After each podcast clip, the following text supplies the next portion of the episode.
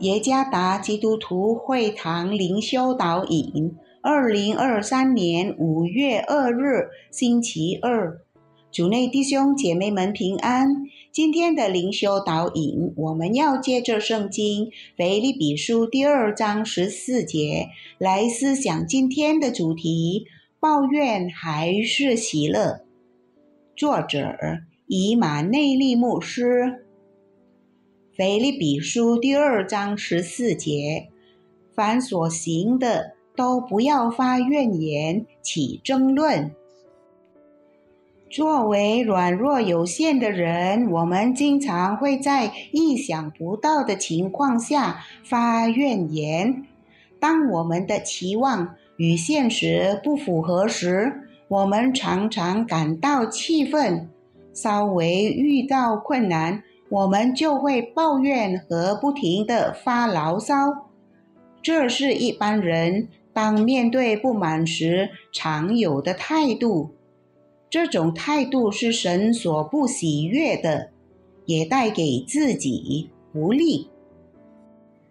这节经文中抱怨的希腊文是 “gogusmos”，这个词有特殊的含义。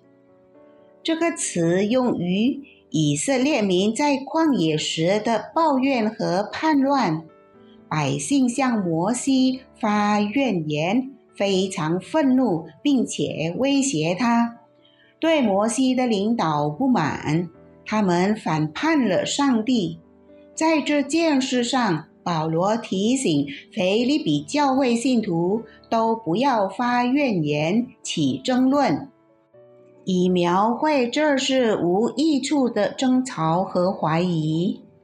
作为基督身体或教会的一个肢体，就必须彼此相互服侍。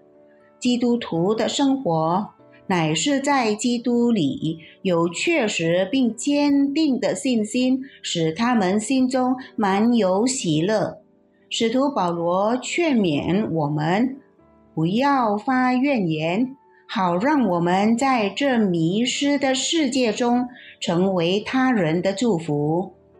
这是一个拒绝并排斥上帝圣言为标准的不幸世代。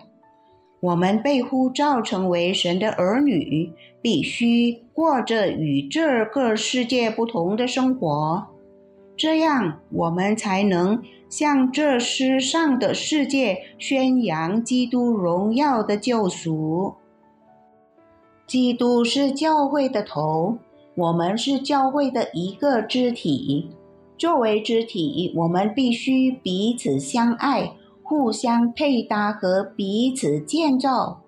当我们在服侍时发怨言，这会影响教会中相爱的气氛，影响侍奉达不到目标。因此，让我们继续在教会中建立相爱的团契，在神里面营造爱的气氛，接纳每个人，就像基督已接受我们大家所有的优点和缺点一样。